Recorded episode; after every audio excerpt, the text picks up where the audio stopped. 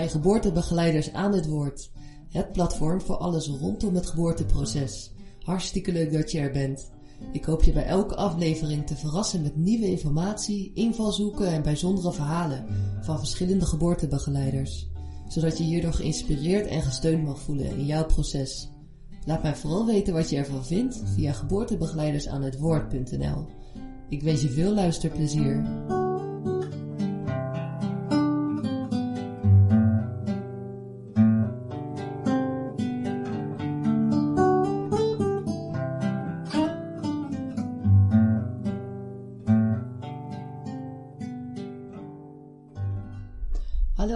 Dat je er bent. Vandaag stel ik je voor aan Caroline Hogeweg. Zij is vroedvrouw en haptonomische zwangerschapsbegeleider. Haptonomie is eerder een benaderingswijze dan een methode. Dit werd maar duidelijk door het gesprek heen met Caroline. Niet alleen in woorden legde zij dit uit, maar ook door haar manier van zijn. Zij pikte veelal op wat op dat moment in mijn gedachten speelde en ging hierop in. Althans, dat was mijn beleving en dat werkte ontspannend door. Ik denk dat deze benaderingswijze heel prettig en doeltreffend is in teamverband. Ook opmerkelijk is dat Caroline heel bewust de partner bij het proces betrekt. Door oefeningen en gesprekken bewerkstelligt zij verbindingen tussen zwangere, partner en kind. Heel waardevol om over te leren. Caroline werkt momenteel bij VIV, Vroedvrouwen in Verbinding, een verloskundige praktijk in Amsterdam met een holistische en individuele benadering van zwangerschap, geboorte en ouderschap. Hallo allemaal, heel leuk dat je er bent. Ik zit vandaag aan tafel met Caroline Hogeweg. Hallo, welkom. Dankjewel Sabine. Dankjewel voor je tijd allereerst. Ik, uh, ik, kijk heel erg uit naar het interview. We hebben hier vooral wat onderwerpen besproken, dus ik kan niet wachten om daar wat meer over te horen. Uh, Caroline is, uh, van, is een voetvrouw en zwangerschapsbegeleider haptonomie, of haptonomische zwangerschapsbegeleider, om het correct te zeggen. Allereerst even een hele basale vraag. Je noemt jezelf een vroedvrouw, ook van de, de praktijk VIF vroedvrouwen. Mm -hmm. uh, wat is het verschil precies tussen verloskundige en vroedvrouwen? Um, nou, er is eigenlijk geen verschil. Uh, in die zin dat verloskundige meer het moderne, nieuwere woord is waarmee vroedvrouwen zich zijn gaan noemen. Maar uh, SEC houdt het hetzelfde in. Ja. Uh, qua vak, qua opleiding. Um, toen ik de opleiding deed, zat ik nog op de kweekschool voor voetvrouwen. Toen ik hem begon en tijdens mijn opleiding is de naam van mijn school veranderd van kweekschool voor voetvrouwen naar Verloskundige Academie Amsterdam. Oh, dus ik heb echt naam. in. ja. En um, ja, daar zit natuurlijk van allerlei ook. Uh, ja, daar zit van allerlei ook achter. Waar, wat volgens mij vooral gaat over het gevoel van een soort professionaliseringsslag te willen maken als vakgebied. Dat blijft uh, zeker de laatste jaren, maar eigenlijk volgens mij in de geschiedenis heel, heel vaak een thema van, uh, ja, mogen wij er ook echt helemaal zijn als beroepsgroep? Nemen we onszelf serieus, maar worden we vooral ook door andere ja, collega's, maatschappij ook serieus genomen? Mm -hmm. En um, ja, dat het woord verloskundige daarin een, een stuk, ja, het wat meer op een soort medisch-professionele uh, plek mm -hmm. zou brengen. En, en ook een, een, plek waarin het volgens mij ook minder uh, qua vroeg mannen, vroeg vrouw, dat verloskundige daarin een wat gender meer neutraal woord zou zijn. Um, voor mij persoonlijk ervaar ik mijn vakinhoud meer als vroedvrouwschap dan als verloskundigeschap. Mm -hmm. um, en dat is misschien heel futiel of subtiel, um, maar toch voor mij ook heel wezenlijk. Omdat ik de taal ook een belangrijk medium vind in hoe we um, zorg vormgeven. Mm -hmm. En ik zie mijzelf niet als iemand die kundig is in het verlossen van een vrouw of een baby. Mm -hmm. Ik zie dat daarin de vrouw en de baby zelf de kundigheid in zich hebben om dat proces uh, aan te gaan en aan te kunnen. Mm -hmm. En dat mijn rol als begeleider daarin eentje veel meer is dat ik mijn eigen um, kennis en ervaring en wijsheid inbreng om de moeder en de baby en de vader um, op een plek te krijgen waarin ze voelen dat ze die eigen kundigheid hebben. Mm -hmm. En, en vroedvrouw uh, komt van vroede vrouw en vroede is dan wijze. Dus voor mij zit, zit de betekenis van dat woord veel dichterbij hoe ik mijn eigen uh, vak zie, dan dat ik mezelf zie als de, degene die verlost of kundig is in het verlossen. Mhm. Ja. Dus vandaar dat het wel een bewuste keuze is dat ik, uh, dat ik mezelf en wij als collega's binnen Vive, dat we onszelf vroedvrouw noemen en geen verloskundige. Ja, ja, ja. Oké. Dat is helemaal opgehelderd.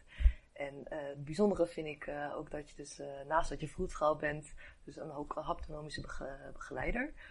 zal je daar dat, dat, dat kunnen uitleggen van wat, wat is daar de meerwaarde aan voor jou en waarom ben je dat pad belopen, zeg maar? Ja. Dat stuk.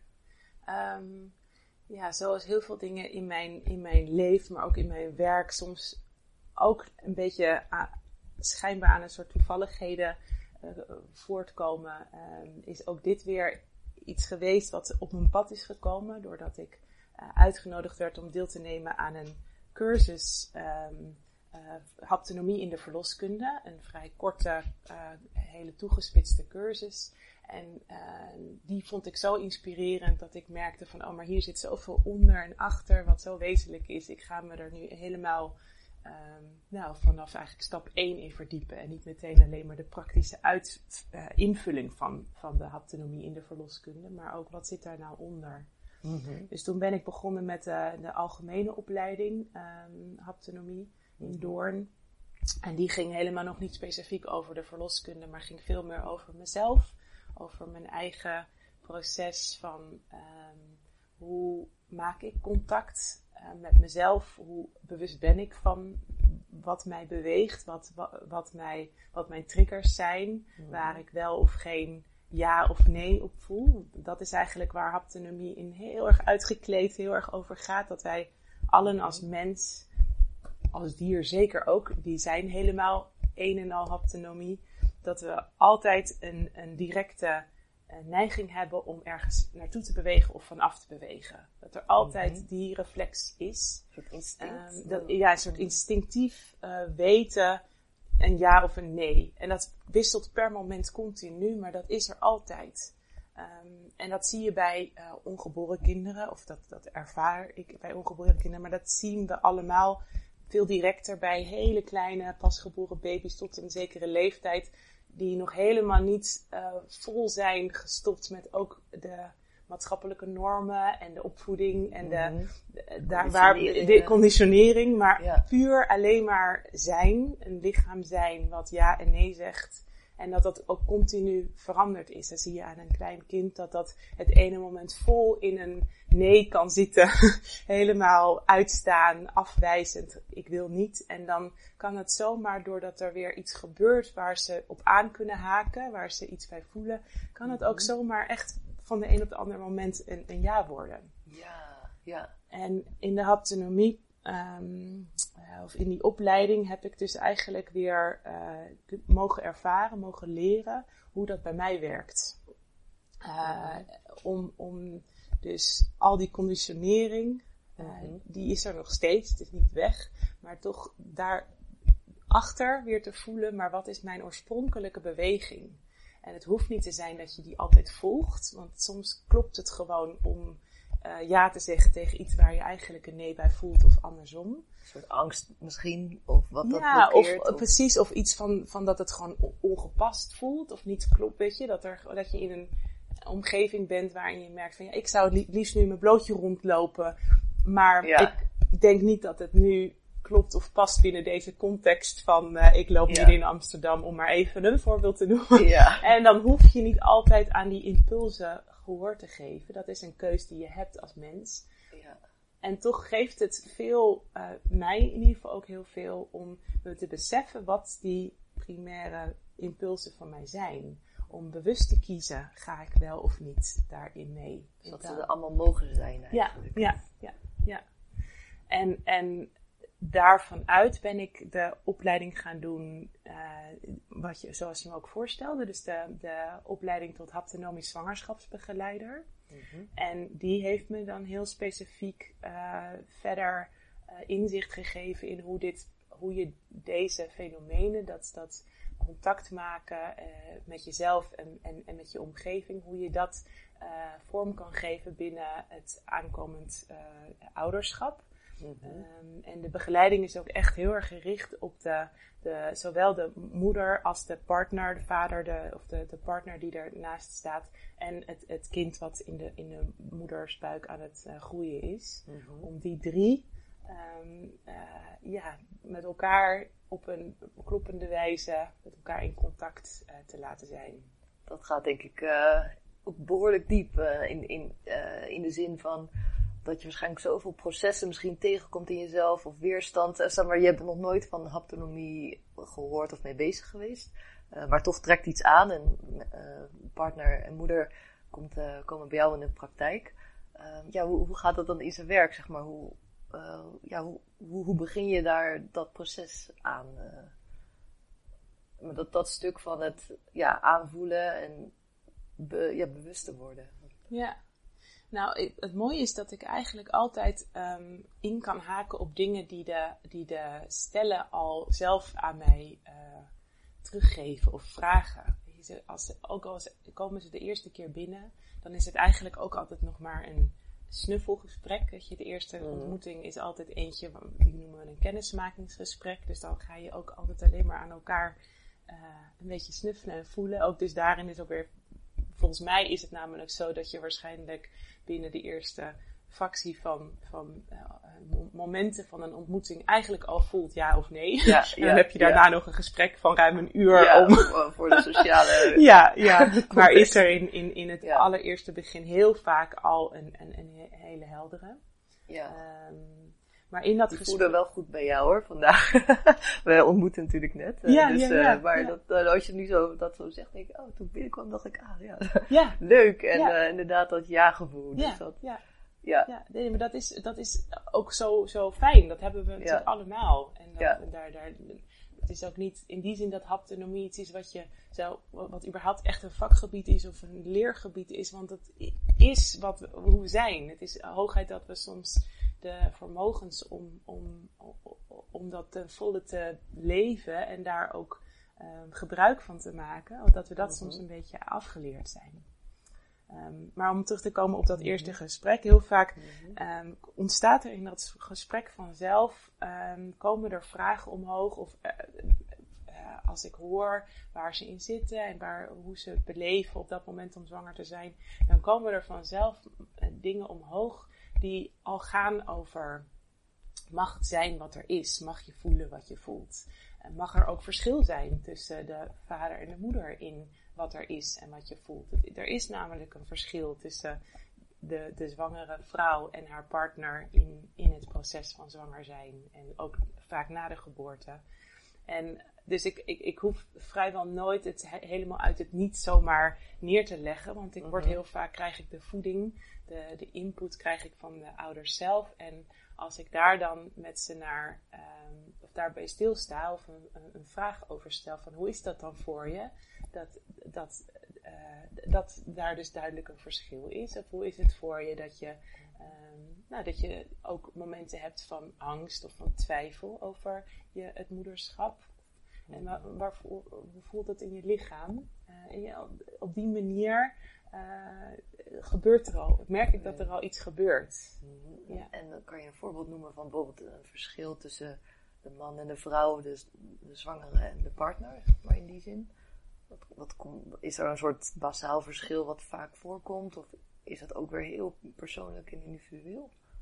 Ja, al, altijd het tweede ook. Maar er zijn denk ik wel uh, een aantal veel voorkomende verschillen. Um, En zeker in, het, in, in de uh, eerste fase van de zwangerschap, waarin er um, uiterlijk gezien nog heel weinig uh, zwangerschapstekenen, verschijnselen zijn. Het kindje ook nog zo klein en zo nog dicht in de moeder zit dat het nog voor de vader niet te, te voelen is, of fysiek Mhm. Terwijl de moeder al ervaart dat haar leven helemaal op zijn kop staat. Weet je, alles, mhm. alles verschoven is. Ze helemaal in de hormonale achtbaan al beland is. En ook vaak daardoor in een emotionele achtbaan. Um, dus daar, daar kan de beleving heel. Uh, de, de partner ervaart wel degelijk dat, dat dus zijn of haar uh, vrouw uh, in, een, in een hele andere staat is, maar is nog weinig tastbaar. Dus soms is dat ook echt weer even zoeken met elkaar. Mhm. We wisten een beetje hoe we het met elkaar hadden en hoe, hoe het werkte. En opeens is een van de twee uh, in, een, in een soort andere, uh, ander land beland. En, of in een mhm. andere taal. En, en er is ook nog steeds over het algemeen heel veel van de basis is er nog. Maar het is ook vaak eigenlijk het begin van het opnieuw zoeken naar hoe werkt het tussen ons.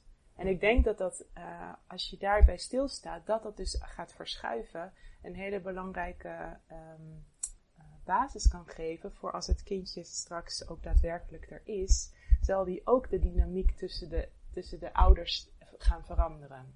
Mm -hmm. En uh, daar helpt de zwangerschap, eigenlijk al die, die processen in de zwangerschap kunnen daar al enorm bij helpen om daar al bewust van te worden. Van het is niet meer, het gaat niet meer zijn zoals het was. En we hebben nog steeds een hele uh, grote basis met elkaar. En daarbinnen uh, vraagt het ook om weer dingen los te laten. Of om dingen weer anders vorm te gaan geven. Of om dingen uit te gaan spreken naar elkaar. Waarin we heel lang uh, dat niet hoefden, omdat het wel gewoon ging zoals het ging. Mm -hmm. Dus jouw focus is echt, zoals ik dat begrijp, hè, als het niet juist is, dan verbeter me, maar echt op, op het drietal. Dus echt de, de man, de moeder en het kind.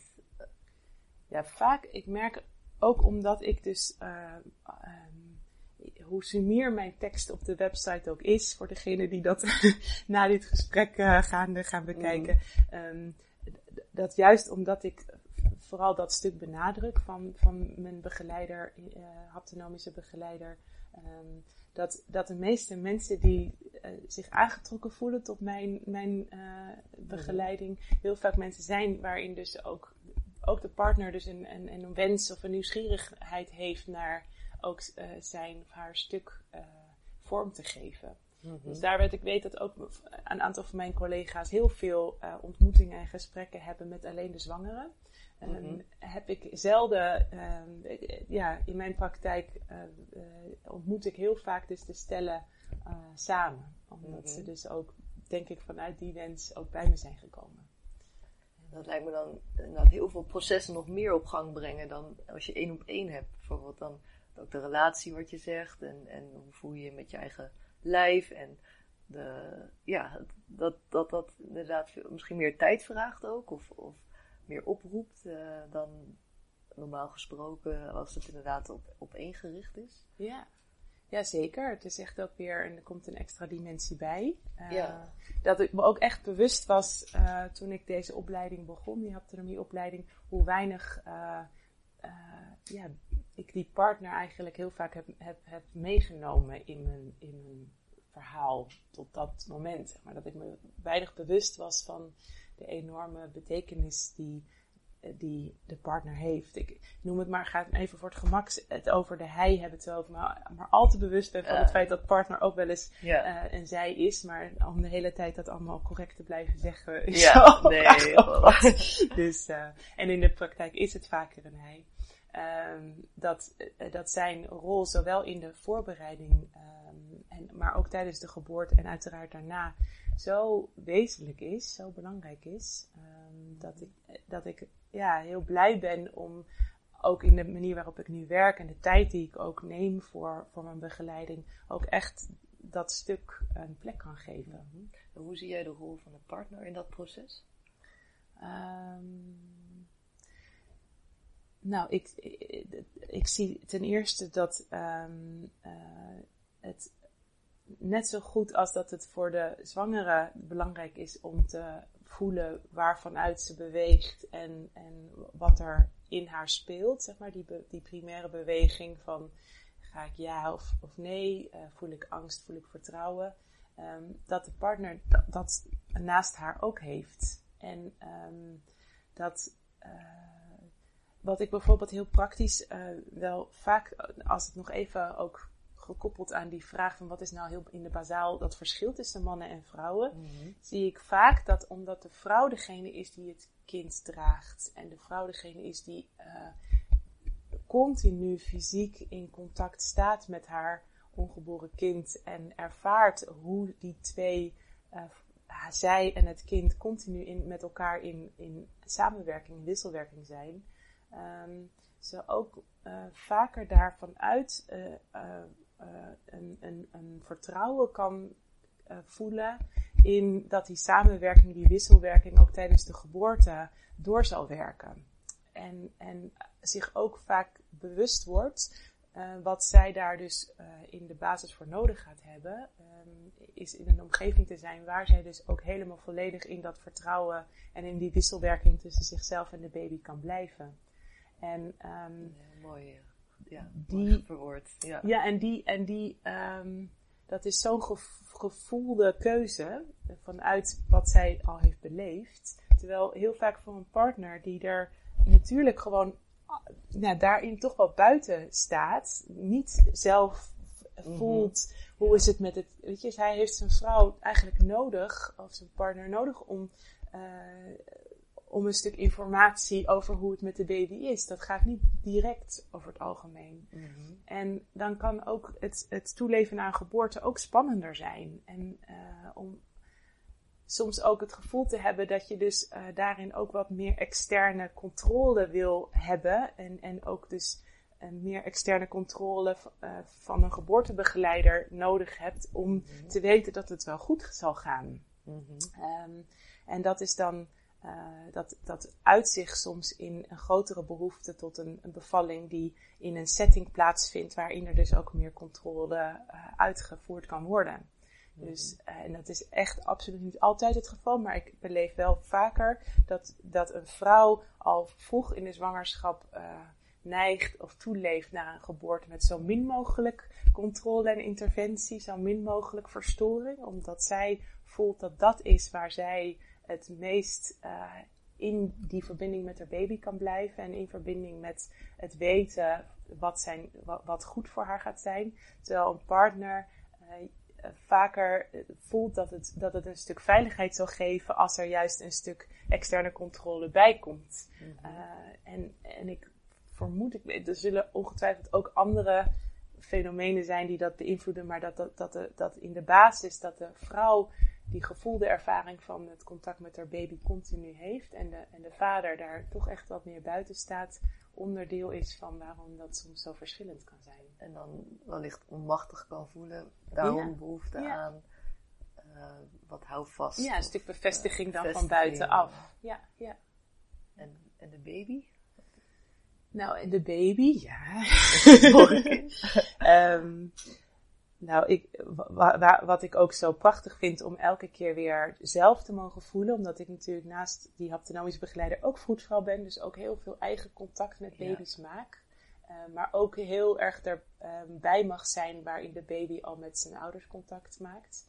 Ehm, dat de, de baby zo direct reageert, zo primair eh, altijd dat fenomeen van ja of nee, ik ga er naartoe of ik ga er vanaf, dat, dat is de baby. Die, die, die, er, die ontwikkelt ook als allereerste zintuig in de buik, ontwikkelt hij ook zijn tastzintuig. Voordat hij kan horen, voordat hij eh, kan ruiken of, en zien is natuurlijk al helemaal veel later. ehm, ontwikkelt hij het vermogen tot, tot contact maken. En heeft hij dat vermogen ook nodig om zichzelf eh, te gaan verhouden tot zijn omgeving? En wanneer begint dat? Ehm, nou, daar wisselen de, de eh, ideeën over. Ehm, wanneer je dat in ieder geval eh, echt kan. ehm, eh, wanneer je dat tastbaar kan maken, heel concreet kan maken, is vaak ergens tussen de 14 à 20 weken zwangerschap, om het een beetje breed te, te houden. Ehm, omdat je dan als, als moeder vaak als eerste ook con- contact, het fysieke contact met de baby gaat voelen. Dus de baby ook gaat voelen, bewegen en reageren.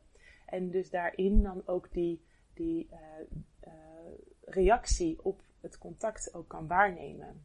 Eh, en soms kan dat bijvoorbeeld door de, als je je hand op, op de buik legt van de moeder, zal, zal de moeder voelen hoe de baby daarop reageert. En een geoefende hand zal, eh, en mijn handen zijn inmiddels vrij geoefend, zal vaak zelf ook kunnen waarnemen eh, wa- wat de reactie is van de baby in de buik. Ja, zoals bijvoorbeeld, uh, wat kan ik me daarbij voorstellen? Nou, gewoon zo primair als het is. De reactie is of de baby beweegt naar je toe, of de baby beweegt niet naar je toe, of soms zelfs van je af. Sommige baby's doen niks, zeg maar. Die blijven gewoon waar ze zijn. En sommige baby's bewegen echt fysiek van een, een, een contact af. Um, dat zie je bijvoorbeeld ook uh, bij het maken van echo's of bij het, het luisteren met de, met de uh, doptoon, waar, waar we vaak naar baby's hartjes luisteren. Um, en heel vaak geven moeders daarin aan um, dat ze ervaren dat de baby erop reageert. Mhm. En als je daarop doorvraagt, uh, want het alleen bewegen zegt niet zo heel veel. Sommige baby's bewegen omdat ze energie krijgen, omdat ze enthousiast worden. En andere baby's bewegen eigenlijk vanuit een gevoel van uh, ongemak. Of, of, of eigenlijk het, het, het, bewegen ervan af is ook bewegen. Mm -hmm. um, en als ik het aan de moeder vraag, heel veel moeders zullen haar fijn kunnen uitleggen, kunnen uh, um, verwoorden. Of ze het gevoel hebben dat de baby reageert vanuit een ja of vanuit een nee. Um, en dat, het betekent niet dat je geen echo's hoeft te maken of geen doptoon te luisteren. Want het gaat er helemaal niet over. Voor mij gaat het er niet over dat er dus een goed of een fout is, of een wel of een niet moeten doen. Het gaat er puur over: um, ben je bewust van het feit dat alles wat we doen, uh, dat we contact aan het maken zijn met de baby, of dat de baby in ieder geval daarop reageert. En um, dat als de baby, als je iets aan het doen bent en je bewust bent dat de baby continu eigenlijk een, een, een af, uh, ja, mm. van, daarvan afreageert, dat je de mogelijkheid hebt om in ieder geval jezelf te gaan afvragen of te gaan voelen van, hé, hey, waar, waar zal deze baby dan nu op dit moment op aan het reageren zijn? Het kan zoiets seks als een, als een, een, een doptoon of een echoapparaat zijn, maar heel vaak gaat het veel meer over bepaalde spanningen of stress of angsten die de baby ervaart vanuit de moeder of vanuit de vader, waar de baby op zal reageren. Dus die reageert ook op veel uh, diepere lagen, uh, reageert hij ook op wat hij ervaart van de omgeving. Wauw, ja.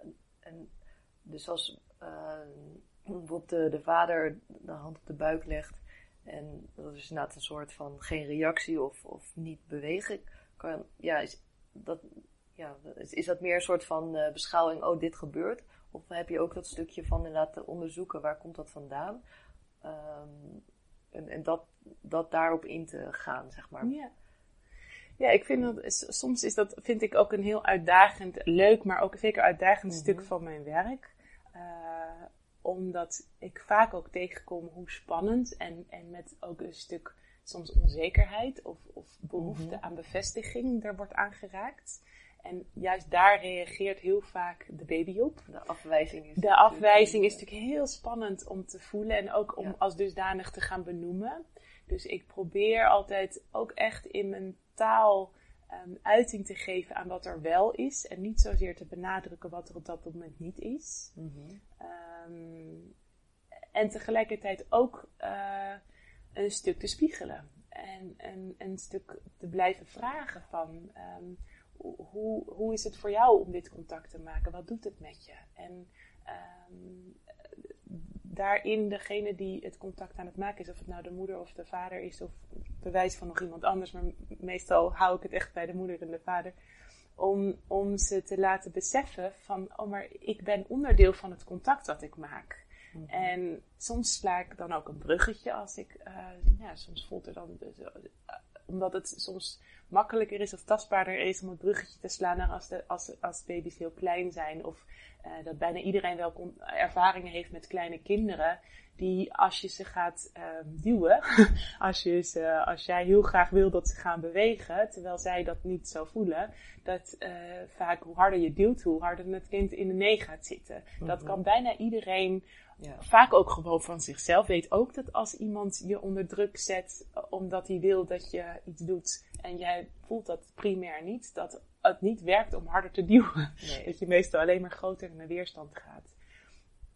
Vaak helpt het om, om dat bruggetje te slaan, om weer het besef te hebben dat, dat dat precies is wat ze soms ook eigenlijk verwachten op dat moment van hun baby. Dat ze eigenlijk een stuk bevestiging vragen van hun kind. Mm -hmm. um, Want zij hebben de behoefte op dat moment aan contact. Zij hebben de behoefte aan, aan voelen dat de baby op hun reageert. Terwijl dat misschien helemaal niet is waar op dat moment de baby is. Ehm, en, Mhm. en hoe, meer druk erop zit, hoe minder vaak eh, dat contact er dan ook zal zijn.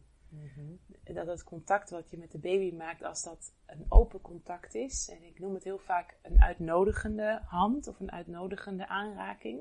Dus een aanraking waarin je, eh, meestal natuurlijk middels je hand, ehm, jezelf aan de baby laat voelen. Zonder dat de baby iets terug hoeft te doen. Maar puur dat het gaat over, jij laat middels je hand, laat jij wie jij bent op dit moment aan jouw kind voelen. En laat je aan jouw kind voelen dat je er bent. En dat het allemaal goed is. Dat er niks hoeft. En juist vanuit die soort onvoorwaardelijke ik ben er, Ontspanning. en openheid, zal je eigenlijk altijd zien dat de baby juist dan komt. Dus dat is ook het spannende, want het gaat, het is niet een trucje. Het is niet dat je kan zeggen van, ehm, eh, de baby laat zich niet zomaar voor de gek houden. Dus het, het moet Ja. wel echt zijn. Je Ja. moet echt voelen dat je er gewoon alleen maar bent. En ook ehm, daarin eh, nou, echt die ruimte in jezelf maken van het gaat nu niet over mij. Het gaat over dat ik ehm, mezelf op dit moment aan mijn baby kan laten voelen. En, en een stuk bevestiging dus ook aan de baby kan meegeven dat het gewoon helemaal oké is in alles. En, als je, en dat zijn, daar zijn we natuurlijk niet altijd. En dat is ook niet erg. We zijn soms gewoon vol met onszelf. Of soms voelen we ons behoeftig en hebben we een stuk bevestiging nodig van de ander. Ehm, en als je bewust bent van het feit dat het zo werkt, dan kan je wel beter kiezen van klopt het dan dat ik op dit moment dat contact maak of zoek, of heb ik dan misschien eerst iets anders nodig, of moet ik even iets met mezelf gaan uitzoeken, of even met mijn partner of met mijn beste vriend of whatever, maar dat je Mhm. je bewust bent van dat, eh, ja, dat je jezelf meeneemt in het contact. En dat dat dus ehm, zichzelf heel vaak versterkt. Op het moment dat je dus vanuit een stuk angst of behoefte contact maakt met je baby. En die dus Ja. eigenlijk alleen maar precies dat gaat doen wat je wat eh, tegen, zeg maar, ehm, je behoefte niet bevredigt. dat dat een Ja. vaak natuurlijk zichzelf versterkend proces is. Zowel voor degene die dus het contact maakt, maar natuurlijk ook voor de baby. Dus eigenlijk is de baby een hele zuivere spiegel. Omdat het nu niet, omdat het nog niet, nou, kan, dat kan natuurlijk ook nog niet eh, ge- geconditioneerd is van, oh, het is nu wel netjes om zo en zo te reageren. Ja. Maar echt gewoon puur reageren zoals het is en niet meer of niet minder. Ja, ja. Ja, hetzelfde, ja, wat je dus eigenlijk ook eh, mensen die met dieren werken of dieren in hun leven Mhm. hebben, die kennen dat natuurlijk ook heel goed. Dat, dat, Mhm. eh, ik heb bijvoorbeeld op een gegeven moment binnen mijn haptonomieopleiding zijn we met een groepje zijn we naar een, een paardencoach gegaan. Ah, En, en ik Ja. vond dat ook heel indrukwekkend en ook soort bijna spannend, om, want die zijn natuurlijk ook gigantische spiegels. En om dat dus ook wederom niet te zien als dat ze afwijzend spiegelen, want dat is heel snel de koppeling die we Ja. maken. Als een paard dus niet naar ons toe komt, dan doen wij iets verkeerd. oor- oordelen. Ja, oordelen. Daar zit, Ja. Ik denk dat dat de crux is, dat we zo snel de, ehm, uit wat er is, wat er gebeurt, ontstaat, eh, niet het alleen maar waarnemen als van, oh, zo is het dus nu, maar meteen de koppeling eraan leggen van, oh, ik doe dus iets niet goed. Mhm. Het is niet goed wat ik doe. Ja, de zelfafwijzing. Die zelfafwijzing, ja. Waar komt dat vandaan? Even een uitstapje hoor, maar dat, dat is eh, zo veel voorkomend. eh, van dat, dat, ja. Nou, ik denk, of nou ja, vermoed dat dat dus eh, precies eigenlijk wat ik net deelde, van Mhm. dat je je bewust bent dat dat dus niet alleen maar een terugkoppeling is naar degene die aanraakt, de ouder aan de buitenkant, maar dus net zo goed de baby aan de binnenkant. Dus ook juist zo vroeg ook al kan ervaren dat er dus een goed en een fout is. Als je een, een baby in de buik eh, al in die hele primaire, eh, alleen maar woordeloze aanraking ergens al meegeeft dat, dat je eigenlijk verwacht dat hij iets doet om goed te zijn en dat het anders een teleurstelling of een, eh, een, een, een, ja, een, ja, een oordeel. een oordeel in zich zal hebben. Ehm, juist omdat het niet over woorden gaat, maar nog op een veel diepere soort, ik noem het wel een soort blauwdruk. Een baby is op dat moment nog zo primair is het. En, en, en heel vaak wordt er, wordt er gedacht of, of beschreven, denk ik, vanuit het soort gemak, omdat we, het zo moeilijk is om met die baby in de buik al echt iets aan te gaan, wordt bijna gedacht dat de baby dus pas als het geboren wordt, begint met indrukken op te doen. En dan Mhm. pas begint met dat proces van, eh, eh, ja, eh, waar we het net over hadden, van dat het dus zo gecultiveerd en, Ja, conditionering. Conditionering, dat was het woord, ja. Ik denk dat dat dus ook al in de buik begint. En, en, en je zou zelfs al het kunnen hebben over voor de conceptie of bij de conceptie. Ehm, niet dat ik daar niet in een gevoel bij heb, maar daar hou ik me persoonlijk niet zo mee bezig. Maar ik kan me zomaar voorstellen dat er al eh, dingen gebeuren voordat het de baby überhaupt al eh, daadwerkelijk fysiek er is. Mhm. Maar ik hou me vooral binnen de haptonomie dan bezig met als, op het moment dat de baby er wel fysiek is, dat, Mhm. dat die invloeden op dat moment al beginnen. Eh, Heel wezenlijk. heel wezenlijk zijn. En soms juist op zo'n diepe laag dat het heel moeilijk is om in je heel veel volwassenen die zo aan het worstelen zijn met waarom ehm, nou, die zichzelf niet onvoorwaardelijk accepteren, niet onvoorwaardelijk lief hebben, die veel bevestiging van buitenaf nodig hebben.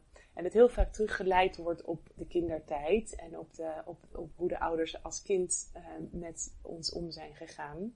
Ehm, en ik denk dat dat dus al begonnen is in de buik. Ehm, woordeloos, maar wel met een veel misschien belangrijkere laag van aanraking, waarin je als je, je kind dus kan meegeven. Het is, je, je bent gewoon helemaal goed zoals je bent. Of Mhm. dat er toch ook een stuk eigen behoefte van de ouder in dat contact al insluit. Waarin de baby ergens al gaat opslaan dat er een goed en een fout is.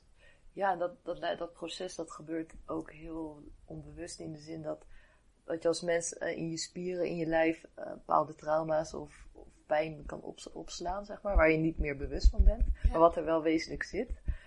Ehm, en daar heb je eigenlijk geen controle over in de zin van, nou, ik kan het niet even losmasseren en dan is het weg, zeg maar. Nee. Dus zeg maar, ja, hoe om te gaan als er zo spanning is, want spanning, ik begreep dat dat voornamelijk stress in de bekkenbodemspier kan gaan zitten.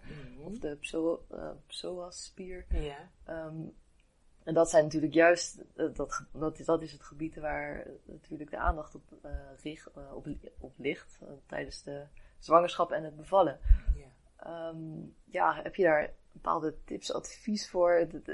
Wat, wat je daar zeg maar zelf inderdaad bewust van kan worden of ehm, ja, een bepaalde helingsproces in kan vinden? Of, of is dat heel lastig? Nou, eh, ja, nee, er zijn talloze eh, Ja. invalshoeken ehm, die je.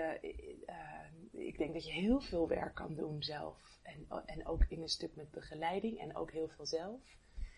En eh, daarin het elke keer ook weer de uitdaging blijft om ook te, dat je ook mag zijn precies waar je bent. En, en dat, dat vind ik misschien het Mm. meest interessante van waar ik nu zelf ben. In, in, want dat, dat ontwikkelt zich ook continu door. Maar de, de balans of de, het, het, eh, de dynamiek tussen enerzijds voelen dat je zelf heel veel ehm, ehm, mogelijkheden hebt en heel, heel veel invloed hebt. Ehm, dat je zowel voordat je überhaupt begint aan, aan een baby verwelkomen, je, een, een zwangerschap uitnodigen, tijdens de zwangerschap en tijdens de geboorte continu onderdeel bent van wat er gebeurt. Maar je bent niet alleen. en bovendien zijn er ook processen in, in jou die ehm, inderdaad bepaalde spanningen of trauma's of processen die eh, een- ja, meer tijd nodig hebben of überhaupt gewoon onderdeel zullen zijn van je leven. En dat ook niet alles per se op te lossen is. Of in ieder geval het oordeel weer los te laten van als je niet alles hebt opgelost voor de geboorte.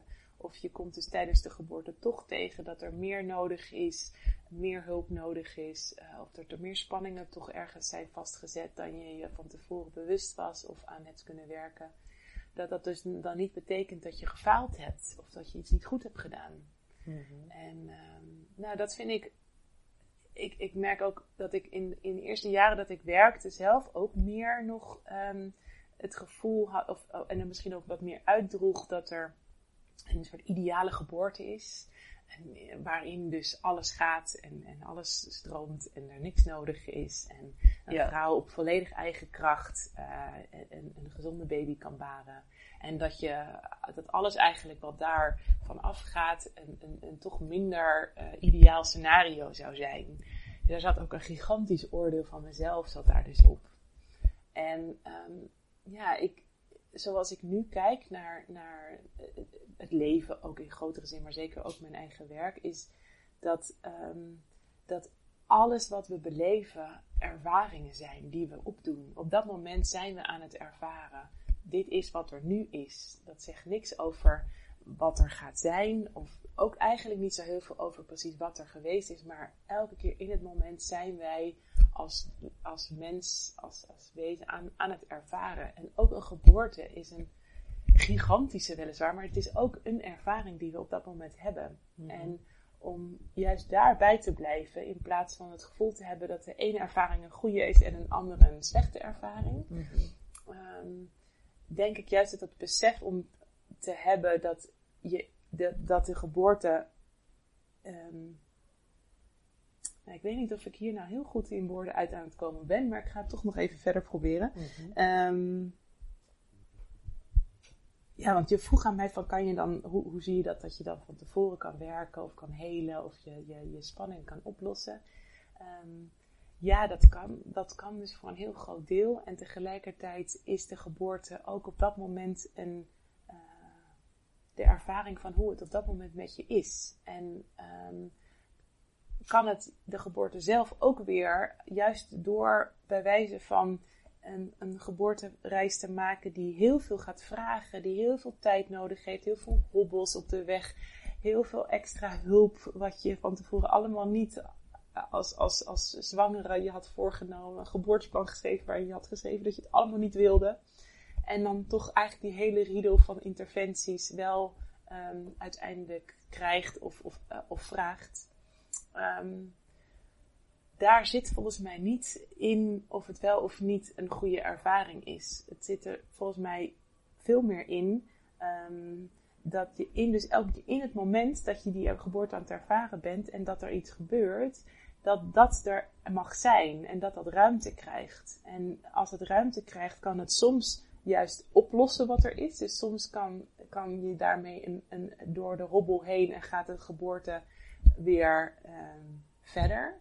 En soms kan ruimte maken voor wat er is betekenen dat die hobbel je aangeeft dat er iets anders nodig is. En dat je daar vervolgens echt ja tegen kan zeggen.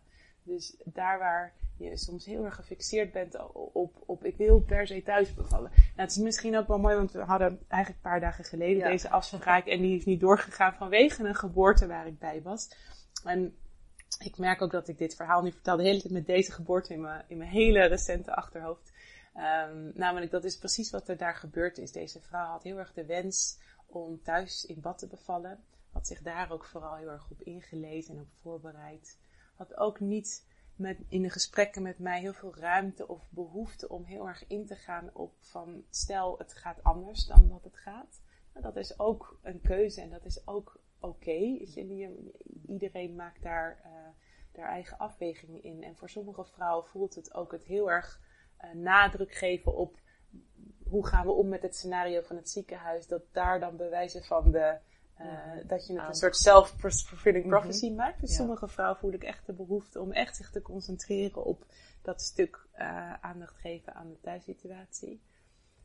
En tegelijkertijd, als er dan wel iets, iets anders nodig is, en dat was bij deze geboorte, werd dat gaandeweg echt duidelijk. Ehm, ja, hoe ga je er dan in het moment mee om? En hoeveel tijd heeft het nodig? En, eh, voor sommigen is het een hele grote stap om te maken. Om alsnog te kiezen om naar het ziekenhuis te gaan. Dus neem je daar ook echt de tijd voor met elkaar. En voor anderen is dat veel, eh, wordt dat gewoon een soort van in het moment meteen duidelijk. Van nee, we moeten nu weg. Of nee, ik, ik wil niet weg. Ehm, en ik denk dat als, als het moment voor de, voor de baan, voor de vrouw geklopt heeft, als zij zelf het gevoel heeft gehad, ik was toe, ik heb ja gezegd tegen deze volgende stap, wat die volgende stap ook was, dat, dat alles wat er daarna komt, alle consequenties die die stap teweeg brengen, dat ze die mee kan nemen. Dat ze, dat ze daar ook um, gevoel voor heeft. Terwijl op het moment dat er dingen voor haar besloten worden, van je moet nu dit, en dat kan zo subtiel zijn als je moet nu een andere houding aannemen, of je moet nu um, uh, stoppen met geluid maken. Weet je, dat, dat zijn de interventies die we bijna niet als interventie meer zien, omdat we die eigenlijk bijna aangeleerd hebben gekregen dat we altijd als, als aanwezig bij een geboorte het recht of de, echt de plicht hebben om een vrouw op die manier te begeleiden of te coachen. Soms mhm. kan daar al een enorm trauma uh, uit voortkomen. Dat een vrouw voelt dat ze op dat hele fundamentele, maar ook hele bijna, uh, waarvan gaat het over? Maar het gaat dus over het heel groots. Namelijk dat je het sturen, het gevoel hebben dat je niet zelf meer uiting mag geven aan waar jij bent. En, maar het gaat dus ook uiteraard zo ver als van alle interventies van ga je uiteindelijk wel hulp in het ziekenhuis zoeken? Um, wordt er uiteindelijk wel een, uh, een, een, knip gezet? Wordt er uiteindelijk een keizersnede gedaan?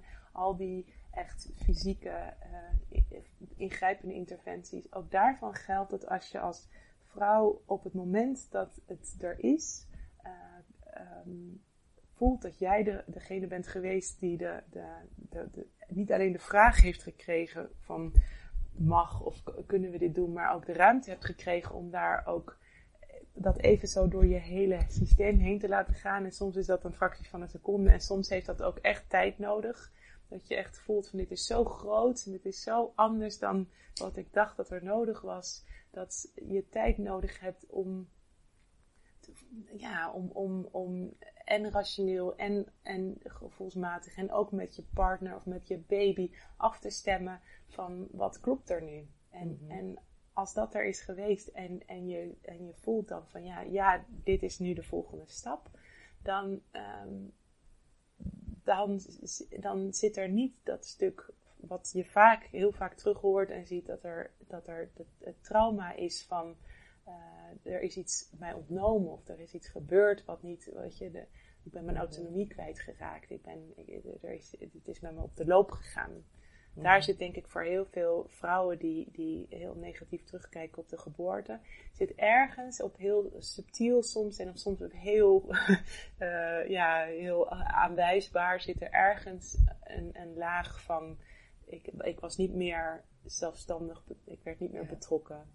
Wauw, dat, uh, dat is een heel mooi inzicht wat je nu aan mij geeft. Inderdaad, van het, het gaat niet om dus de omstandigheden van de er is een keizersnede uh, heeft plaatsgevonden, er is een, een, knip of een vacuumpomp aan de pas gekomen. Dat, dat beïnvloedt inderdaad niet zo van heb je een mooie of een wat negatieve. Negatief is zeg maar een, een, een ervaring gehad die, waar je minder graag op terugkijkt. Dus het, het, is niet de omstandigheden, dus, dus wat er allemaal gebeurd is. Het is echt dat stukje van was elke keer er een ja bij jou en bij je kind dan in feite. En als dat er steeds was, dan kon je nog tien interventies hebben gehad. Uh, dat, dat was niet op invloed op hoe jij terugkijkt op de bevalling in feite. Ja. Dan bijvoorbeeld als je een, een thuisbevalling hebt gehad en die bleek heel soepel te zijn, maar je voelde sturing, er was iets, er was op, op uh, gejaagdheid bijvoorbeeld. Um, dat beïnvloedt in feite. Je voelt dat er ergens, dus soms ook bij, soms kan het de voetvrouw of de kraamzorg zijn of de partner. Als, je, als jij ervaart dat er iemand is die niet helemaal mee ja. uh, gaat, die ja. een ander soort spanning inbrengt. Of soms kan het zo, uh, kan het alleen het gevoel zijn dat er op een of andere manier iets van haast is, zonder dat dat aanwijsbaar is. Maar je bent als barende zo, sta je zo open, dat is ook zo nodig om echt te baren, is dat je helemaal open staat. Dus al je zintuigen, alles is, staat helemaal open. En soms zie je dat niet meer zo aan de barende, omdat ze juist ook steeds meer een soort terugtrekkende beweging maakt en helemaal in zichzelf gekeerd raakt. We noemen dat ook wel, in al die bijscholingen die ik volg, eh, gaat het in het Engels vaak over laborland. Dus ja. zit in laborland. En het kan ook echt zo, zo zijn dat je... Dus het kan soms bijna het gevoel geven dat de vrouw ook niet meer zo bewust is van haar omgeving. Of niet meer zo onder invloed staat van haar omgeving, omdat ze zich zo aan het terugtrekken is. En dat is ook het, het, het bijzondere, het eigenaardige van dat dat is juist uh, in, tegendeel waar is. Dat een, de barende juist in die staat van openstaan en, en helemaal in die wereld, dat, dat juist er nog steeds, dat het heel belangrijk is dat de omgeving nog steeds voor haar blijft kloppen. En dat wil niet zeggen dat alle vrouwen eh, last hebben van geluid. Sommige vrouwen geven achteraf aan dat ze het heerlijk vonden dat er nog een soort van huistuin- en keukengesprek aan, het, aan de keukentafel plaatsvond tussen de kraamzorg en de verloskundige. Dat ze dat juist heel geruststellend vonden. Een soort van, oh het leven gaat ook een beetje door. We hoeven dus niet alleen maar aandacht op mij. Want sommige vrouwen ervaren die continue aandacht ook als heel bekeken worden. En kunnen daar juist ongemakkelijk van worden. En andere vrouwen ervaren juist dat het heel belangrijk is dat het, dat het in ieder geval heel stil is. En dat er juist een hele continue liefdevolle aandacht naar haar blijft gaan. Mhm. Ehm, die Ja. gedij je daar weer goed op. Dus Ja. het is niet zo dat het altijd hetzelfde is. Of dat elke vrouw hetzelfde vorm van, van eh, prikkels storend gaat vinden. Ik heb Mhm. ook meegemaakt dat sommige vrouwen eh, in aanwezigheid van mijn halve familie en met een tv die aanstond. En dan toch nog gewoon dat ik zelf echt binnenkwam met het gevoel van ah, dit gaat toch, dit gaat toch helemaal niet. Maar die vrouw die was gewoon haar ding aan het doen. En die, blijkbaar voelde zij zich daar veilig bij. En waren, Ja. waren, was, waren al die prikkels voor haar vertrouwde prikkels. En kon zij gewoon haar gang gaan en die baby baren. En anderen die Ja. hebben echt een heel specifiek, weet je, sommige, bij sommige vrouwen die geven aan, die, die esthetisch heel, ehm, vaak ook in hun werk dus ook met esthetiek bezig zijn, dat het heel belangrijk is dat het, dat er geen, dat ik niet mijn spullen op die tafel daar zo uitstal, want, want dan, dan klopt het beeld niet meer wat zij hebben van, Mhm. eh, de, de, Harmonie of- de harmonie of de omgeving. Dus ik vind dat juist ook wel leuk. Ik denk, je kan daar dus ook weer van allerlei bij stilstaan van, oh, maar weet je, mensen doen niet zo moeilijk en laat dat los, want dat is wat je nodig hebt. Maar ik denk, ja, als je dit van jezelf weet en je kan dit ook gewoon met elkaar uitspreken, dan kan ik ook zorgen dat, weet je, dan kan je met elkaar kijken van, hoe werkt het dan wel voor jou? En ehm, ja, En daar is de zwangerschap eh, zo belangrijk voor in feite. Van dat al te gaan, te meer te gaan voelen, of bewust te zijn. ja, eh, voor de, de bevalling. Ja. En natuurlijk, dat is een ongoing process. ja. process van, Ja.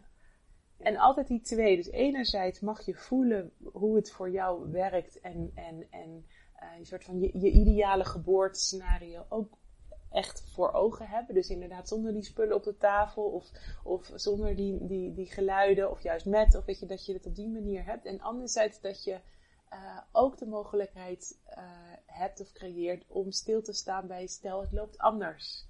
Van wat is dan in de essentie wat ik, wat ik in, een, in een scenario nodig heb waar ik niet meer invloed heb op al die processen van wie komen er binnen, wie maken er geluid, waar staan de spullen. Dus Ja. een voor jou minder ideaal scenario. Wat is, wat is dan de essentie wat maakt dat jij nog steeds je kind kan baren? Want uiteindelijk ben je niet afhankelijk van al die factoren eromheen.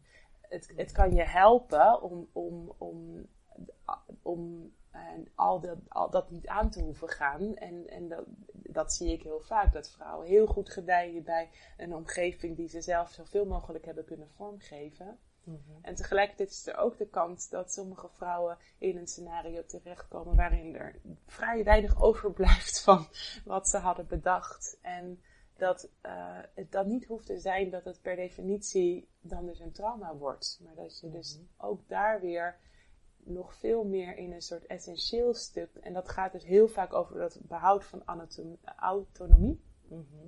Ik denk dat daar, als het echt over de essentie gaat, voor heel veel vrouwen de, eh, in, een, in een suboptimaal scenario, het gaat over dat ze dat gevoel mag behouden. Mhm. Eh, en dat ze dus nog steeds, eh, ook al ligt ze aan alle toeters en bellen aan het, in het ziekenhuis, of, of wordt er op een gegeven moment besloten tot een keizersnede, dat zij nog steeds degene is die dus de, de ja ehm, zegt tegen Mhm. al die scenario's. Ja, het, het voelt wel alsof daar een soort spanningsveld zit. Van, eh, de, de omgevingsfactoren, die maken niet, ja, die moet niet als eh, primair zijn. Dus het moet inderdaad bij jezelf zitten om te bepalen hoe ga je met het erom omheen. Maar bijvoorbeeld, eh, nou, Michel Audin, die heeft onder andere ook gezegd dat eh, er heel veel blauw licht in de verloskamers zijn. Wat, zeg maar, de, neocortex, ehm, eh, eh, zeg maar, als ik het goed zeg, dat, je zeg maar daardoor de, de weeën wat, wat vertraagt en, en eerder en de oxytocine flow zeg maar stopt.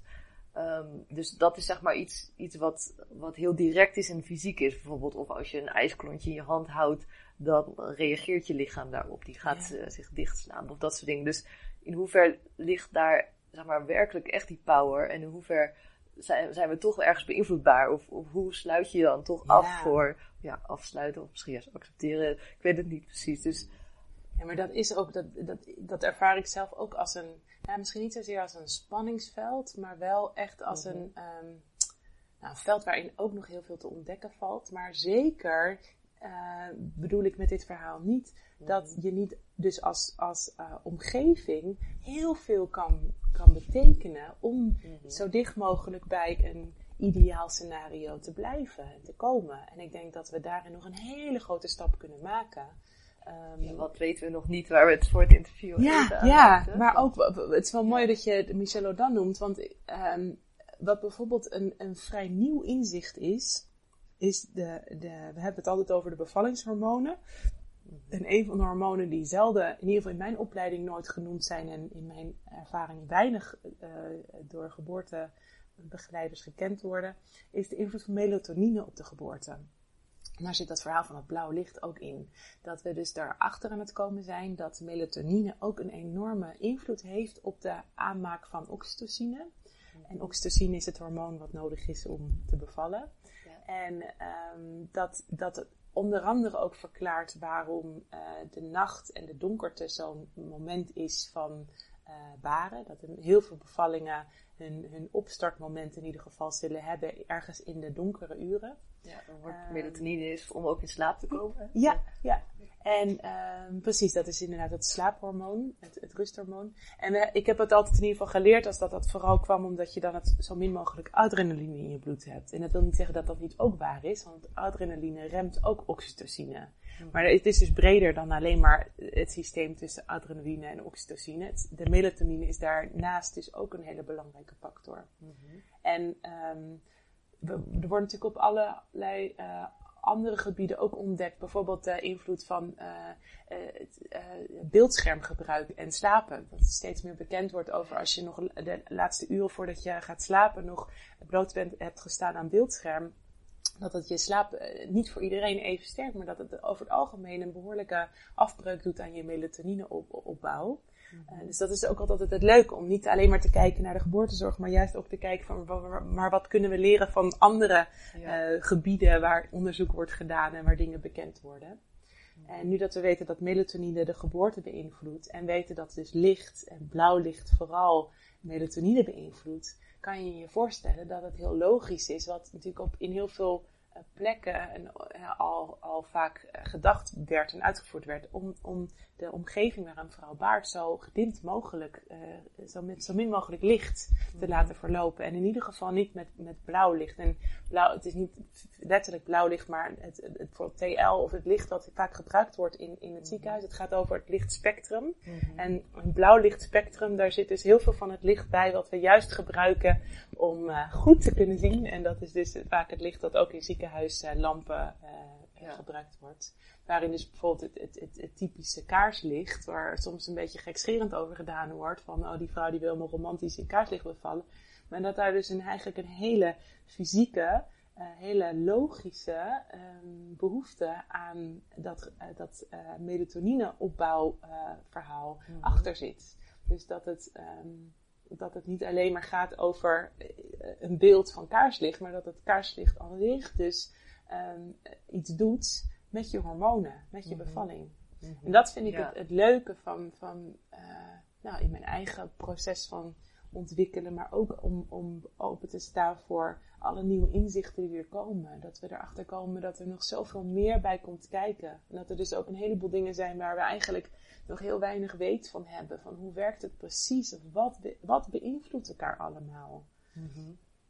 En soms wel de behoefte volgens mij allemaal hebben om het al allemaal te weten. Of om in dit moment in de tijd toch te willen mm-hmm. helderheid te kunnen geven over wat wij denken dat, dat goed is. Of wat we denken dat een goede invloed zijn. Mm-hmm. En het soms ook op die manier gaan communiceren. En dat zie ik veel gebeuren in de geboortezorg. Dat, um, nou, ik ga ook regelmatig mee, bijvoorbeeld naar consulten die, die zwangere cliënten van mij hebben in het ziekenhuis. Een gynaecoloog. En als ze naar ja. een gynaecoloog gaan, maar ook veel, veel breder dan dat maak ik natuurlijk heel vaak mee of zie en hoor ik heel vaak hoe er gesproken wordt over de geboortezorg. En toch is de neiging heel vaak om, om dat wat we op dat moment weten ehm, te presenteren als de waarheid.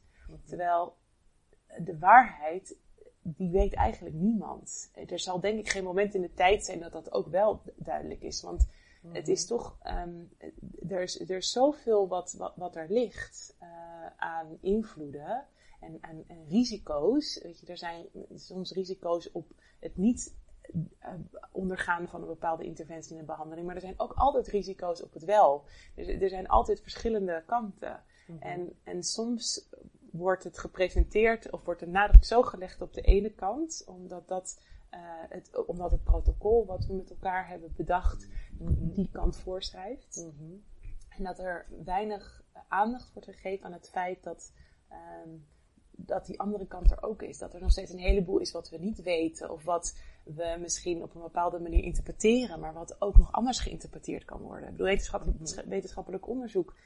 En hoe meer ik me daarin verdiep, hoe meer duidelijk wordt dat het naast dat het ook een stuk hele essentiële kennis verschaft, waarop we ook verder voortborduren. Dus ik wil helemaal niet zeggen dat dat niet belangrijk is, of dat we daar niet ook naar mogen handelen of luisteren. En tegelijkertijd is, wordt ook steeds bekender en duidelijker dat, dat er zoveel uh, vertroebelende factoren in datzelfde onderzoek, uh, weet je, dat, dat de aannames die er al zijn voordat het onderzoek gedaan wordt, al zoveel invloed hebben op de uitkomsten die er zijn. Mm -hmm. Dus wie heeft het onderzoek uitgevoerd? Met welke incentive? Vanuit welke motivatie? Wat, wat, wat, wat was de geldstroom? Die, uh, wat was het, het, financiële belang van het resultaat van het onderzoek? Het blijkt elke keer maar weer dat dat heel belangrijk is om te weten, omdat dat de uitkomsten beïnvloed heeft. Mm -hmm. En, en het, het blind staren op een onderzoek omdat het bepaalde uitkomsten heeft gegeven, volgens mij is dat niet ge gezondheid bevorderen. Mhm. Mm -hmm. um, neem je het mee, is het onderdeel van de hele put aan kennis en wijsheid die we hebben, maar is mm -hmm. dat niet de waarheid? Mm -hmm. ja. En um, dat wordt wel regelmatig, vind ik, zo gepresenteerd. Uh, als een vrouw uh, voor een consult komt of informatie vraagt ergens, uh, dan wordt het toch vaak als een, een van wij weten inmiddels of dit is, dit heeft het risico op infectie of op overlijden. Of weet je, er, er wordt vaak op die manier gesproken met een vrouw in plaats van haar mee te nemen in dat veld van dit is wat we wel weten, denken te weten. En dit Ja. is wat we niet weten. En uh, wat weet je eigenlijk zelf? Want ik denk dat je, als je de kennis en de wijsheid van de vrouw van haar, over haarzelf en haar, haar eigen beleving van wat voor haar werkt, Mhm. en haar kennis van haar baby. Ik bedoel, we willen misschien allemaal heel erg veel kunnen controleren, maar de moeder is uiteindelijk degene die 24-7 met haar baby leeft. Dus die zal ongetwijfeld ook in ieder geval een heel stuk kennis en wijsheid over haar baby mee kunnen geven. Ja. En niet dat dat het enige hoeft te zijn. Je kan denk ik al die um, factoren samen meenemen en Mhm. in het moment met elkaar kijken van, nou, dit is wat er ligt. En Ja. wat, wat, wat is nu de, de volgende stap? Ja. Ja. Ja. En uh, heel mooi inderdaad. Uh, ik, Ik, merk eh, als ik eenmaal ja, op dreef ja, ben, ja, denk ik in mijn hoofd al van, oh, maar dat ook Dat- dat ook. Maar goed, er is op een gegeven moment is het ook. heel gepassioneerd. Ja, ik vind het ontzettend interessant, ook maatschappelijk gezien en ook inderdaad het persoonlijke stuk daarin. En wat ik nog eigenlijk ook wilde vragen aan je, van de, de, vanuit de autonomie begreep ik dan, kan je ook als moeder ruimte creëren in je baarmoeder. Um, ik heb uh, hiervoor de Spinning Babies docent Jennifer Walker geïnterviewd en daar is een bepaalde methode voor, um, of technieken voor, zeg maar, de houdingen.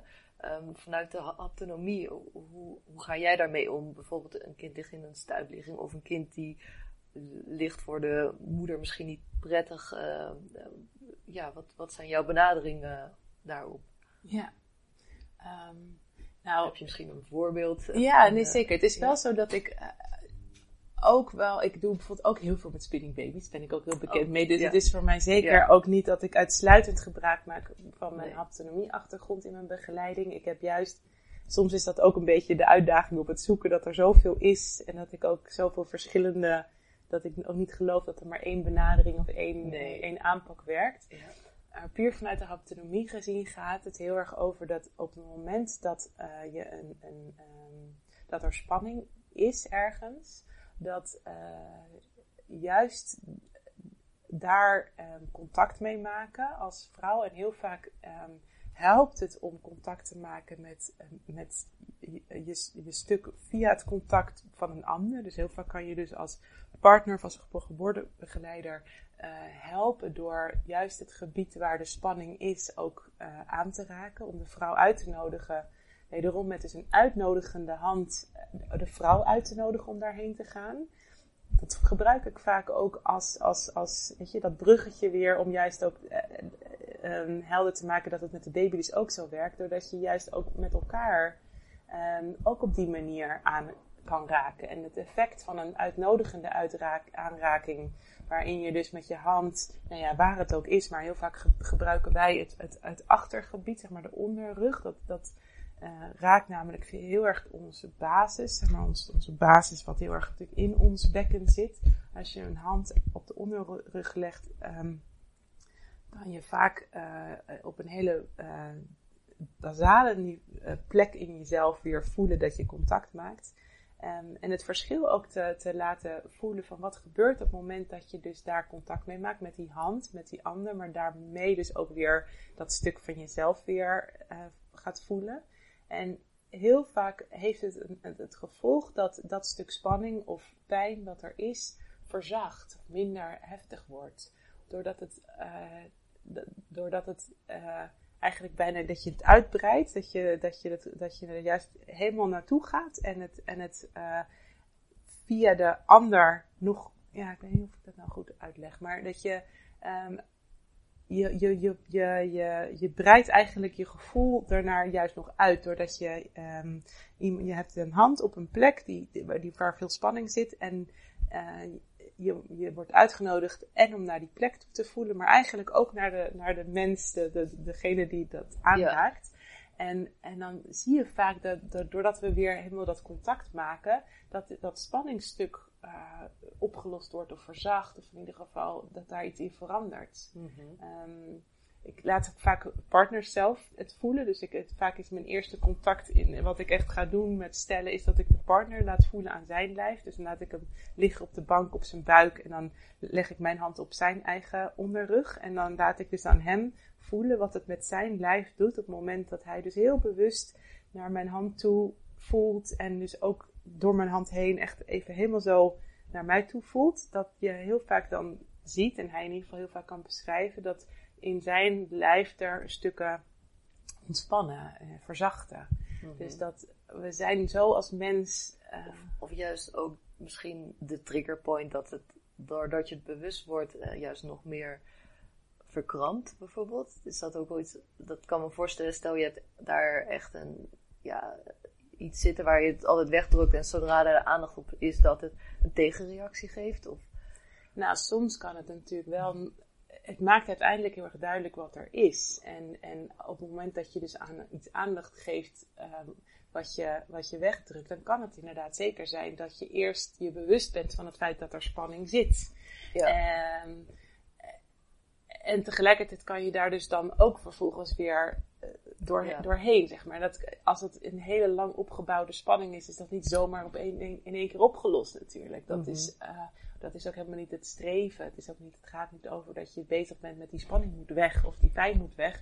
Maar wel iemand weer te laten voelen wat hoe, hoe, hoe je middels daar contact mee te maken. En soms dus eerst het eigenlijk voor je gevoel heviger te laten zijn, het, het, het, het, het groter maken, dat je wel daardoorheen weer het opnieuw kan verzachten. Mm -hmm. En je kan er ook voor kiezen om dat niet te doen. En, en, en sommige mensen leven volgens mij hun hele leven met bepaalde spanningen en uh, dingen zonder dat ze het oplossen en er gewoon geen aandacht gegeven en, aan geven. En dat is ook oké. Okay. Ik wil dus niet dat je dat alles hoeft op te lossen of uit te werken. Ja. Um, maar soms gaat het zich uh, zo presenteren in, in iets. Um, wat soms niet per se op de plek waar de spanning zit, maar nou, bij wijze van als het gaat over een zwangere en een baring, dan kan een, een bepaald eh, spanningsgebied in een bekken uh, gevolgen hebben voor hoe de baby ligt. Dus dat als, de, als het bekken op een of andere manier verkrampt is, omdat daar zich dingen hebben opgebouwd, dan kan dat hoofdje niet lekker. -hmm. Op zich is het is, is een, is een ontspannen uh, buik, tenzij er uh, anatomisch echt uh, en, en, en iets aan de hand is, maar meestal is dat natuurlijk niet zo, is in principe de baarmoeder zo gemaakt dat het heel logisch is voor de baby om met het hoofdje aan het einde van de zwangerschap daarin te dalen, want daar is het meest ruimte en het hoofdje is het grootst. Dus dat, maar goed, als dat, als dat bekken een beetje uh, verkrampt is, dan, dan kan het soms zijn dat het helemaal niet zo logisch is voor de baby om daar heen te gaan, omdat daar geen ruimte lijkt te zijn, of in ieder geval geen ontspanning, geen zachtheid is om in te dalen. Mhm. Dus door te werken aan dat bekkengebied, en dat is mhm. handoplegging. Uh, een handoplegging. En bij de vrouw doe, is het, uh, ja, laat ik, doe ik het soms zelf, en, en, maar meestal laat ik het, leer ik het aan de partner, hoe hij dus um, middels zijn handen de vrouw daarin kan laten ontspannen. Mm -hmm. En, en, en ja, ontspannen is het, eh, gebruiken we meestal in de haptonomie niet, omdat uh, dat, is ook maar weer wat in de nee, maar um, het is natuurlijk ook belangrijk dat je nog een zekere gespannenheid, als wij allemaal alleen maar ontspannen zouden zijn, zouden we allemaal als een soort pudding in elkaar zakken. Dus het gaat meer over dat je gebieden verzacht en opent. Dat zijn meer de woorden die wij eraan geven vanuit de haptonomie, dan dat het alleen maar gaat over nog meer en nog meer ontspannen. Ja. En soms gebruik ik wel het woord ontspannen, omdat dat nou eenmaal is waar we gewend aan zijn ja. om. Uh, ja, alleen dat, daar zit ook weer het woord spanning, spannen in. Ja. Dus dan heb je, zeg maar, verzachting, dan, dat geeft weer een andere gevoelswaarde dan een spanning. Dan denk je, denk niet aan inderdaad de roze olifant zoals het bekend ja, is natuurlijk. Ja, en dan ja. ga je daar aan denken. Dus in die zin hoe krachtig dan bijvoorbeeld een woord kan zijn. Uh, inderdaad, woorden. Ja, en, en dat, dat is al, ja. en daar kunnen we al twee uur over maar hebben. Vrouw, ja, ja, ja, van, En, en, en je ook als, dus als begeleider bewust te zijn van wat zeggen we? Wat zeg je eigenlijk? Normaal gesproken tegen mevrouw. Gisteren werd nog tegen die barende gezegd. Uh, um, dat was ook een beetje, dat is natuurlijk ook wat er vaak gebeurt, is dat er dan overdrachten zijn in een ziekenhuis. Ja. En ik even, oh, sorry, sorry. Nee, nee je mag het helemaal verder maken. Want, want even uh, voor de mensen die het nog niet weten, want je gaat als verloskundige, uh, vroedvrouw, mee naar het ziekenhuis, uh, maar dan als vroedvrouw of als doula. Um, want normaal gesproken inderdaad draag je het over en dan ja. ben je er niet meer bij, maar ja, bij, bij jullie praktijk is het zo dat je inderdaad nog een extra coaching, een begeleidingsproces uh, hebt. Dus meer voor de, voor ja, de dat ze begrijpen hoor. waarom ja. ik daar nog bij was. Ja, uh, ja, ja. Nee, dat klopt. In, in heel veel gevallen, zeker als het in, in een wat vroeger stadium van de geboorte is, zal een vrouw vanuit de verloskundige overgedragen worden naar het ziekenhuis en dan dus ook helemaal de zorg uh, mm-hmm. afronden voor dat stuk. En dan in het kraambed komen ze weer in beeld. Um, wat wij sowieso uh, aanbieden is dat, dat we erbij blijven zolang het voor de ouders uh, fijn is en klopt. Blijven wij erbij zolang, uh, ja, totdat de baby geboren is of de uren daarna. Ongeacht hoe de geboorte verloopt. Ja. En vooral omdat ook bewezen is en, en wij ook steeds ervaren hoe ontzettend wezenlijk die continuïteit van zorg uh, ervaren wordt. En je ziet ook gewoon uit onderzoek, voor zover dat het dus allemaal helemaal uh, te vertrouwen is, maar in ieder geval het onderzoek wat er gedaan is, dat er elke keer betere resultaten zijn op het moment dat een vrouw een continue begeleider heeft gehad bij de geboorte, die niet alleen haar partner is. Want de partner is er natuurlijk heel vaak continu bij, maar heeft heel vaak toch een heel ander soort rol, heeft een heel ander soort eigen behoefte bij de geboorte dan dat er iemand bij is die er wat verder afstaat mm -hmm. van, de, van de vrouw, van de partner, maar echt een, ja, een bepaalde expertise en professionele rol heeft in de begeleiding, maar niet een emotionele betrokkenheid heeft bij het wel, uh, ja, bij, ja. bij het proces. Dat zo'n persoon, en dat kan dus in, in de vorm van een vroedvrouw of een doula of iemand zijn die dus echt alleen maar er is om die rol op zich te nemen. En dat is wat wij dus ook aan, aanbieden. Dat we dus ook bij een medische overdracht, waarin we niet meer verantwoordelijkheid hebben over het medische stuk van de gezondheid van moeder en baby. Dus dat dragen we dan over naar het ziekenhuis. En, en wij blijven erbij. En dan verandert uiteraard ook onze rol.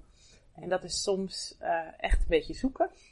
Uh, omdat je natuurlijk, uh, zeker in ziekenhuizen, ook wel eens komt waar mensen dat helemaal niet gewend zijn. Omdat dat dus niet gangbaar is dat je erbij blijft. Dus soms moet je met elkaar ook echt weer even zo echt afstemmen. En dat, ik denk dat dat het allerbelangrijkste is wat je dan kan doen. Dus om ook echt uit te spreken van nou, wat heb jij nodig? Wat, hoe is het voor jou dat ik erbij blijf? En eh, wat heb je dan nodig? En, en even zo van tevoren met al die poppetjes die daar rondlopen, ook weer even zo met elkaar te kijken naar van, nou, wie zijn deze ouders? Maar ook, ik ben er ook. Dus wie ben ik en, en wie ben jij en hoe gaan we het met elkaar doen? Mhm. Maar goed, wat het jammer was bij deze geboorte gisteren, was dat uh, er echt tijdens het persen, het begon zeg maar met de uitdrijving, toen vond er nog een overdracht plaats. Dus we hadden zeg maar de hele nacht met, met één uh, verloskundige het helemaal af kunnen stemmen en kunnen uitpraten. En nou, die, die voelde helemaal uh, aan boord, zeg Ja, maar. Weet je, die was ja. helemaal mee. En toen, uh, ja, ja, dat is een keuze die zij dan ook maken. Maar dat ze begon met de uitdrijving en, en toch het gevoel had van, nou, ik, ze moest naar huis. Nee, dat is ook helemaal aan haar dat ik veroordeel dat ook zeker niet. Maar wat er dan dus wel gebeurt, is dat er dus dan iemand instapt die eigenlijk helemaal nieuw is. En Ja. Dat je dan eigenlijk in een paar woorden even probeert om te kijken van ben je een beetje aan boord? Weet je, de belangrijkste dingen waarvan ik wist dat die voor die barende heel belangrijk waren. Even checken van ben je je bewust van dit? Maar je kan niet dan meer met Ja. elkaar helemaal afstemmen.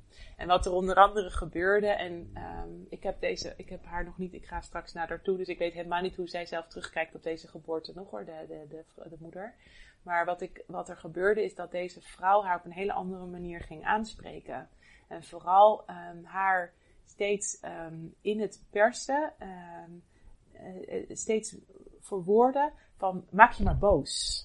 Maak je maar boos. En het idee is, ik hoor dat heel vaak hoor, en dat is ons bij wijze van aangeleerd, dat dat een manier is om iemand weer heel veel, weet je, soms vraagt het heel veel kracht, heel veel inzet, dat laatste stuk van die geboorte. En dat het idee is dat als je een vrouw eigenlijk boos, dat de boosheid krachtig is. En dat is dat die kracht, dus ik begrijp de achterliggende gedachte die bedoeld is om te helpen.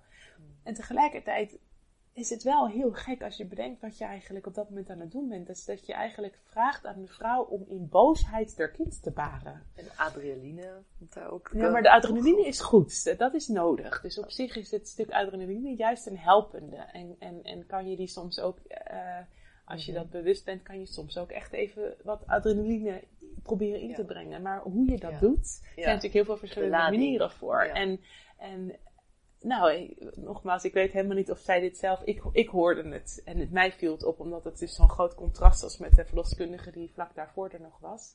Ehm, maar ik weet helemaal niet. Misschien heeft zij het helemaal niet gehoord of heeft ze dat helemaal niet vervelend gevonden. Dus ik wil dat helemaal niet al inkleuren.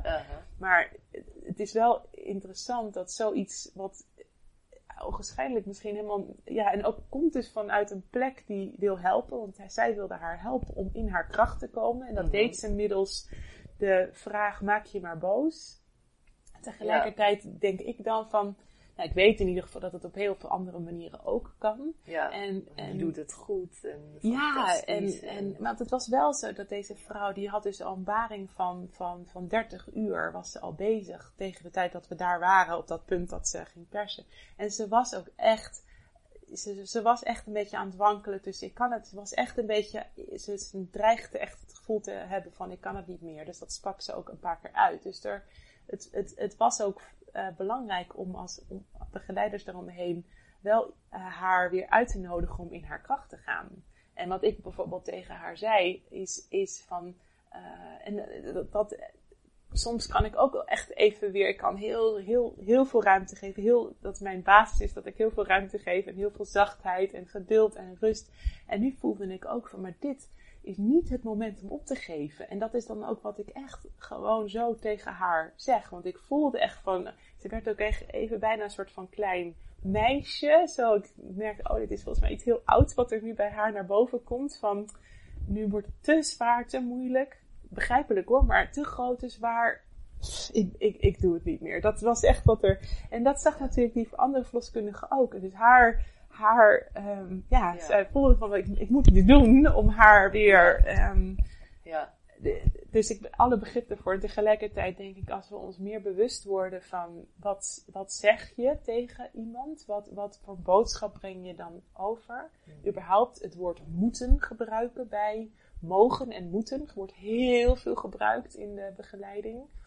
Een vrouw mag gaan persen, moet gaan plassen, moet gaan liggen. Nou, dingen die echt bij bijna elke geboorte wordt er wel een keertje iets van mogen of moeten tegen een vrouw gezegd.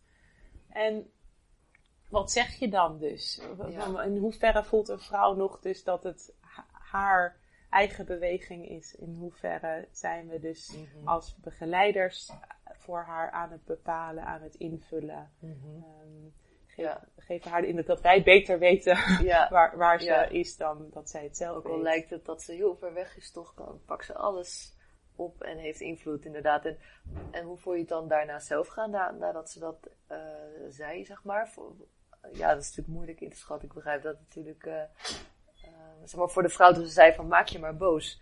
Ehm, merkte je toen verandering bij haar? Of, Nou, ik, ik heb zelf niet gezien dat dat hetgene was wat haar heeft geholpen. heeft. Eh, maar nogmaals, ik- Ja, dat is ja. mijn, mijn, mijn perceptie nu. En ik heb ook nog niet met haar nagepraat. En als ik haar straks zie, zal ook het proces nog niet... Weet je, zo'n proces van... Ja, Ja. van hoe kijk ik terug op een geboorte, dat heeft eh, zeker eh, tijd nodig en, en zelfs vaak jaren nodig om echt al die verschillende Ja.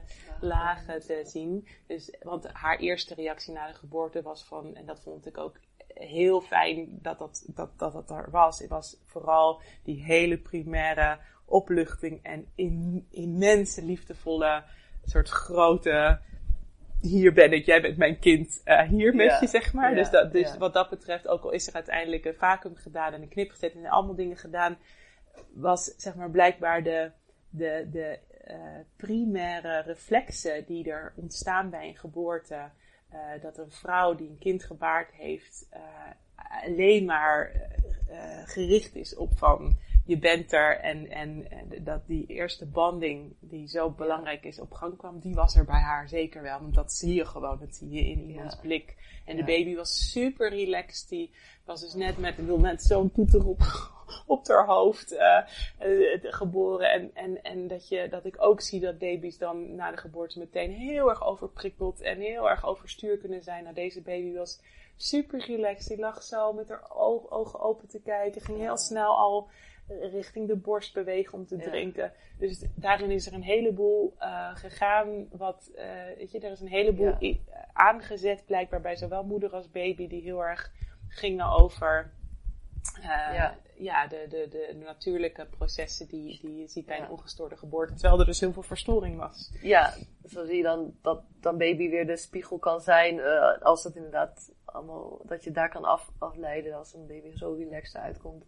Dat dat toch inderdaad de spiegel is van hoe, hoe het eh, innerlijk ervaren is. Ja, in ieder geval op dat moment. Op bedoel, ja. misschien Weet- zal de baby ja. de komende dagen heel veel huilen om heel veel van het proces van de geboorte Ja. alsnog eh, te processen. Nou, dat is ook prima. Weet je. Het is niet dat het soort van, oh, maar ik vond het wel opvallend. Want eh, je, je ziet toch vaker bij een geboorte die zo, zo gaat, dat er ook een stuk van die primaire, die eerste contactmomenten ook anders lopen. Dat dat niet meer zo is. Sommige vrouwen zijn gewoon helemaal, die zijn gewoon, hebben het opgegeven, die zijn eruit geraakt, dus die kunnen ook niet meteen na de geboorte weer helemaal erin. Die, die zijn echt nog helemaal ergens ver, ver weg. En sommige baby's, die zijn gewoon super overstuur, of die zijn helemaal lethargisch. Nou, deze baby en deze moeder waren in ieder geval Ja. direct na de geboorte helemaal aan op Dat elkaar. Ja, Vader ook. vader ook. Dus, eh, dus nou ja, dat is mijn laatste beeld van hun geweest tot nu Mooi toe. plaatje, ja. Ja, ja. Fantastisch. Ja. Wauw. Nou, wat een eh, mooie, tot nu toe eh, ontzettend veel wijsheid en kennis eh, wat je hier hebt eh, al gedeeld. En ik dacht als, als laatste mooie afsluiting, is er nog iets wat je, je hebt al heel veel gedeeld, maar is er nog iets specifieker van je? Dat, dat zou ik nog graag willen meegeven aan, aan de luisteraars. Eh, Kunnen geboorte geweest zijn, kunnen inderdaad vrouwen of partners zijn. Zo van, dit is het, ja, samengevat niet, maar ja, iets, iets wat nu nog bij je opkomt. Ja, nou, het, het, het meeste, en dat is misschien ook wel een stuk herhaling, maar een soort samenvatting van wat ik, denk ik, hopelijk heb kunnen overbrengen, is dat je, ehm, ja, wees je bewust van, van waar je zelf bent op elk moment. Dus zowel als ouders, maar ook zeker als geboortebegeleiders. Misschien bedoel ik dit nog het meeste naar mijn collega's in het veld. Mhm. Uh, ja, uh, sta jezelf toe om, om daarbij stil te staan. Dus bij van hoe is het nu met mij? Wat heb ik nu nodig? Heb ik een stuk hulp misschien nodig? Even een stuk spiegeling of even sparren met een collega? Moet ik er misschien zelf even uitstappen? Want zit ik zo in een soort interactie, reactie met, met de, mijn cliënt of met, uh, weet je, moet ik heel even weer eruit en even weer, uh, nou, op een, ik ben gisteren bijvoorbeeld ook eventjes bij deze mensen thuis onder de douche gesprongen, omdat ik dat dus zelf ook voelde. Van ik moet heel even, uh, heb ik even iets, iets nodig. Ik moet even weer letterlijk en figuurlijk even schoonspoelen en weer even met een frisse blik er terug in. En dat, dat ja. kan natuurlijk niet altijd op die manier, maar wel, het gaat over van sta je zelf toe om af en toe weer even, hoe is het nu met mij? Wat gebeurt er? Is mijn hart heel erg aan het bonzen? Wat zegt dat? Vind ik iets spannend? Of neem ik een angst waar van de vader of van de moeder? Er is iets, maar mijn hart bonst in ieder geval heel hard. Dat er is een ja. teken dat er ergens dus een spanningsveld zit. Uh, hoe is het met mijn ademhaling? Nou, gewoon even zo weer jezelf toe te staan op elk moment te checken van wat neem ik van mezelf waar en wat is, wat is daarin van mij en, en hoe kan ik misschien een stukje niet uh, proberen op te lossen dat ik het niet meeneem, die geboorte of dat consult in, maar dat ik zorg dat ik zo schoon mogelijk, voor zover dat kan, ja. um, uh, ja. in mijn contact blijf met de cliënten. Ja, wauw. Het vraagt heel veel zelfreflectie en voelen. En... Oh ja, en het ja. is ook absoluut niet dat ik zeg dat dat een soort reëel, reëel is dat je dat altijd bent. Dat is gewoon niet zo. Dus dat is ook niet, ben ik ook absoluut niet. Um, en toch helpt het wel om te beseffen dat dat dus continu aan de hand ja. is. En Ja. om af en toe even weer jezelf uh, toe te staan om, om jezelf in ieder geval die vraag te stellen. Ja. Wauw. Dankjewel. Ontzettend mooi interview. Heel graag gedaan.